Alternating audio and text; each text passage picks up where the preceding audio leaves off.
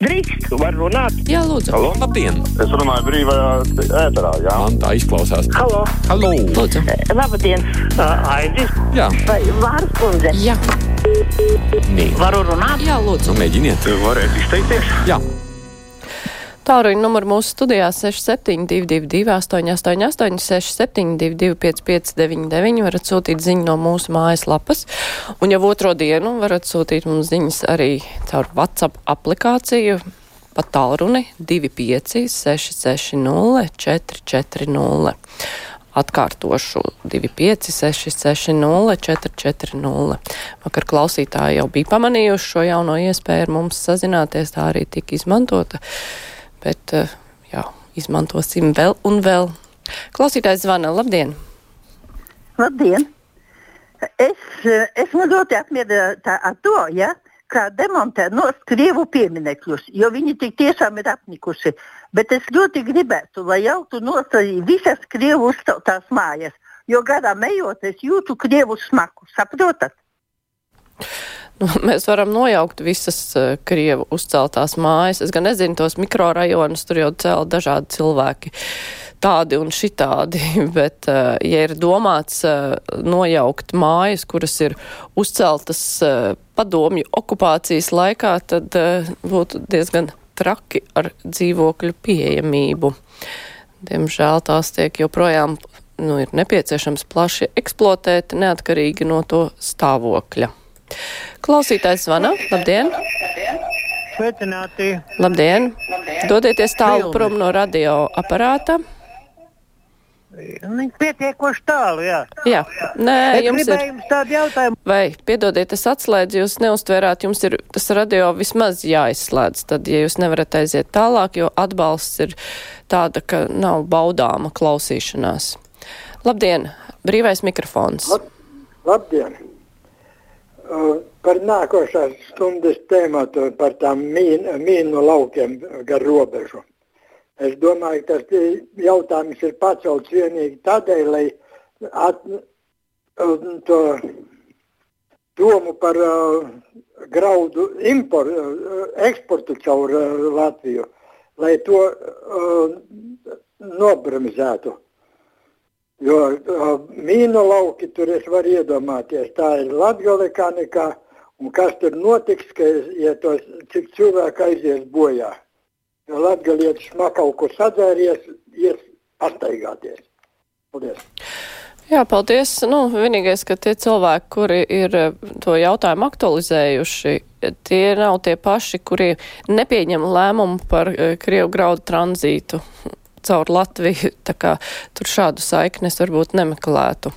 Klausītājs zvana, labdien! Labdien! Halo! Jā, jūs Mikrofons. esat ēterā. Jā. Eh, Tā kā es jau vienreiz izdevos, man jūs sazvanītājs, nu, lūdzu, nepārtraukt. Man kādi trīs tēzes būtu. Pirmais, es piedaros pie tās paudzes, kā mums solīja dzīvot komunismā. Tālāk viens. Likvidējam bērnu namus. Visi bērni dzīvo augstu ģimenēs. Tas ir pirmā tēze. Otrais. Likvidējam internātu skolas. Tās ir padomu paliekas. Bet eh, varbūt tam nabaga bērnam tā internāta skola bija vienīgā iespēja, kuru šorīt cilvēks uzties. Trešais - likvidēt naukšanas. Vecie latvieši teica, nespļauj jaunajā, kā vecākā, kamēr neizrādās jauno. Nu, paldies! Jā, paldies. Es visu sapratu, izņemot to par to komunismu, bet eh, labi, tā varbūt nebija svarīga piebilde. Klausītājs eh, lūdzu paskaidrot, kā Latvijas pasts var nebūt valsts iestāde, kas tad Latvijā ir valsts iestāde, kam primārais uzdevums ir nodrošināt iedzīvotāju saziņu vienam ar otru un valsts iestādēm. Nu, valsts, ar valsts iestādēm mēs saprotam valsts pārvaldes iestādes, bet uh, savukārt tādas iestādes, kas ir kapitāla sabiedrības, kas pelna naudu un sniedz pakalpojumus, tādas kā pasts, nu, tas ir kaut kas jau cits. Tā klausītājs Guntars no platā gala raksta: Labdien! Pa mīnu laukiem pastaigāties neejam. Nu jā, neviens jau arī tie, kas ir trāpījuši reiz kādā mīnu laukā, droši vien, ka nav gājis pastaigāties pa mīnu lauku. Tas jau parasti ir citādāk. Tas nav noformēts kā pastaiga pa mīnu lauku. Tur, diemžēl, tās nelaimes, kas ir notikušas, ir ne jau speciāli. Klausītājs zvana labdien! Labdien! Esat ēterā? Sveiki! Jā. Mans lūgums būtu, varbūt jūs varētu uzaicināt augļu kungu sakarā ar to, ka e, pensijas inflācijas e, naudiņa tiek ieskaitīta tikai oktobrī. Tas nozīmē, ka šā gada inflācijas naudu mēs saņemam tikai divus mēnešus, novembri un decembri. Kāpēc nevar aprīlī visur pieliekt minimālo algu un Bet pensionāriem skaitās, ka visu vasaru nepieliek neko. Jā, nu, ja tas tiešām ir jautājums auguļu kungam, tad, kad viņš būs studijā, tad ir jāmēģina e, mums, bet atrakstīt tomēr šo jautājumu, jo tad jau mēs nevaram pieņemt klausītājs zvans. Klausītājs raksta par kainieku mīnām jālemj militāristiem un politiķiem, nevis dīvānu ekspertiem. Cits klausītājs raksta tai kundzei, kas piedāvā nojaukt mājas, vajagot iet ar steigu pie doktera. Hm. Nu, nezinu, nezinu par eh, sūtīšanām pie doktera.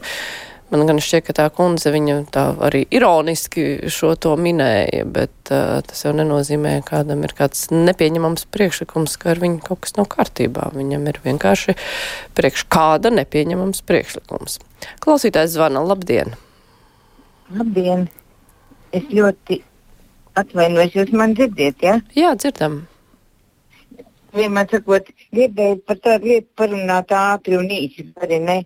Mums tagad jūrmalā ir uzēdušies ne tikai, ka iekšā nelaiž, bet tagad katram pat malkas šķūnīts, kas uzcelts ir, ka naudu mums atņēma, nebija pa ko tur pils celt, jā. Vienkārši šķūns ir, un tagad mums sēdas virsū, kad viss ir jāiereģistrē, nu, visur iekšā, viss jāiet pie arhitektiem un nu, briesmu lietas, kas tur tagad ceļš augšā. Un katrā mājā noteikti kāds ir vai kādu šķūnīti uzcēlis vai, vai kaut ko uzlabojis. Ne jau kādu pili cēlis. Naudas atņēma un tagad sāk mūs kratīt. Nu, un pilnīgi, kas saka, nevar gulēt un, un viss jāpārdzīvo, kas tagad tālāk būs. Un divu gadu laikā mums ir viss jā, jāizdara. Un, un cilvēki, ar ko parunājam, ļoti pārdzīvo. Jo naudu atņēma, visu atņēma, valsts atņēma, un kas, kas viņi tie bija. Jā? A tagad tu tiec galā kā gribi. Jā, jā, es pārtraucu atvainojos, bet es piekrītu jums, ka tās visi tie procesi ir ārkārtīgi sarežģīti un cilvēks pats saviem spēkiem bieži vien nevar tikt galā un ir jāaicina speciālisti un tas viss maksā ka tie procesi ir. Nu, tiem gluži otrādi vajadzētu būt vienkāršiem, lai katrs var pats tikt galā, nevis meklēt uh, speciālistus, dažkārt pat slēgt uh, kaut kādus līgumus, kur patiesībā nekas nav jādara, bet tikai formalitāšu pēc. Uh, tas ir tā samudžināts. Klausītājs raksta par Rīgas lidostu, lai arī ir grandiozi investīcija plāni, lidostas, pilsēta, jauns termināls un tam līdzīgi, tomēr nokļūt lidostā var tikai ar 22. autobusu. Pirms desmit gadiem bija gan 22. autobuss, gan ekspresis, vēl bija trīs mikroautobusi. Tad kāds ir aprēķins tagad? Nu, jā, ir plāns, lai šķiet par vēl vienu transporta līdzekli, bet tas, ka ir pārāk mazas iespējas nokļūt no lidostas, tas gan ir fakts, un tas ir bijis ļoti ilgi. Klausītājs Ričs raksta, gribu atgādināt, ka katrs miljons, ko nopelna Latvija par Krievu graudu tranzītu, ir miljards Krievijai, bet vēl vairāk Latvija nopelnītu vedot tranzītā Krievijas tankus. Jānis raksta, kur skatījās valsts drošības dienests visus gadus, neredzot Ždanokas darbību, kā parasti, kamēr žurnālisti kaut ko neuzrok un nepublisko ne čiku, ne grabu. Jāmaina valsts drošības dienesta vadība. Tā Jānis mums raksta. Ceļu klausulu, labdien, brīvais mikrofons. Labdien! Es gribēju pastāstīt tā. Svētdien es noklausījos raidījumu 18.25. šķelšanos pa trešo programmu. Tur viena krievu sieviete nodeva nu, valodas eksāmenu. E, nu, nu, kā nodeva, tā nodeva. Bet nu nodeva. Un jūs saprotiet, tur žurnālisti ar viņu sāka runāt latviešu un tūlīt momentāli pārgāja pa krievu. Nu, kā tur integrācija, sakiet man lūdzu? Nu, jā, tā ir lielā mērā cilvēku.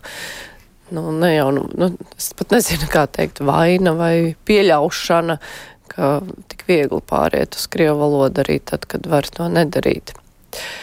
Tā klausītāja Agnes raksta, nu kāpēc Lietuvā un Igaunijā pasts var strādāt normāli, kamēr Latvijā atkal ir problēmas? Atbild vienkārši kaimiņu valstīs vajadzīgās reformas veiktas jau daudzus gadus iepriekš, vai kāds ir pārsteigts? Tā, es celšu klausuli. Brīvais mikrofons, labdien! Labdien! Man ir kauns par mūsu deputātiem un publicistiem. 27. programmā Lietuvietis Šmita kungs no, no tās partijas, kas ir Irēna, tā kritizē mūsu deputātus, kas strādā Eiropā. Nu, pilnīgi ārprāts. Paši neklausās, ko viņi dara. Pat Dombrovski visus deputātus viņi neko nav darījuši, viņi neko nav darījuši un tā tālāk. Tāds ir lakša, tāds ir vietavīris. Tādus būtu jāatbrīvo no darba un citus jāliek iekšā. Kauns, ka viņi bazonē mūsu pašu Latviju. Paši neklausās, ko deputāti dara, bet tikai kritizē, neko nav darījuši. Man bija kauns klausīties. Paldies jums! Paldies. Um, klausītājs raksta tā sieviete, kas zvanīja, ka jānau, jānojauc Krievu celtās mājas, teica to ar ironiju, aizstāvot Krievu pieminekļus. Inga. Nu, es nezinu, es tā ironiju īsti tādā ziņā neustvēru, bet labi, nu, katrs jā, tiešām saprot, uh, saprot uh, katrs savādāk. Tā klausītājs raksta 20 gadus vajadzēja, lai pierādītu, ka Ždanoka ir pildījusi tur kaut kas iztrūkst, droši vien, ka domāts Krievijas drošības dienestu uzdevums, cik gadus vēl vajadzēs, lai pierādītu, ka Ušakus arī ir uzdevumu, ir ar uzdevumu gan Eiroparlamentā, gan iepriekš Rīgas domē. Tā es vēl varu paspēt vienu zvanu. Nu, klausīties, labdien! Labdien! Man pārsteigumu rada tas, ka nu, Kariņš nav ne mans radinieks, ne mans favorīts bet par viņu bija nedēļām ilga e, diskusija starp tantukiem un dažādiem. Bet par to, cik maksāja e, tās parakstu vākšanas, e, ierosināts no Šlesera kunga, kas maksāja nu, trīs, četras vairāk beigās, kas sanāk tie miljoni kopā. Par to neviens, neviens nesatraucās. Jā, paldies. Nu, savukārt vēl klausītājs raksta, ka piekrīt tam vīrietim, ka visu tikai likvidējām bērnams, internāts un augšēnus, bet ko tālāk, kur likt šos bērnus? Mums bija arī saruna kruspunktā gada izskaņā par šo tematu. Tas ir nopietns temats, jā, tas ir absolūti nenoliedzami, par to ir jādomā.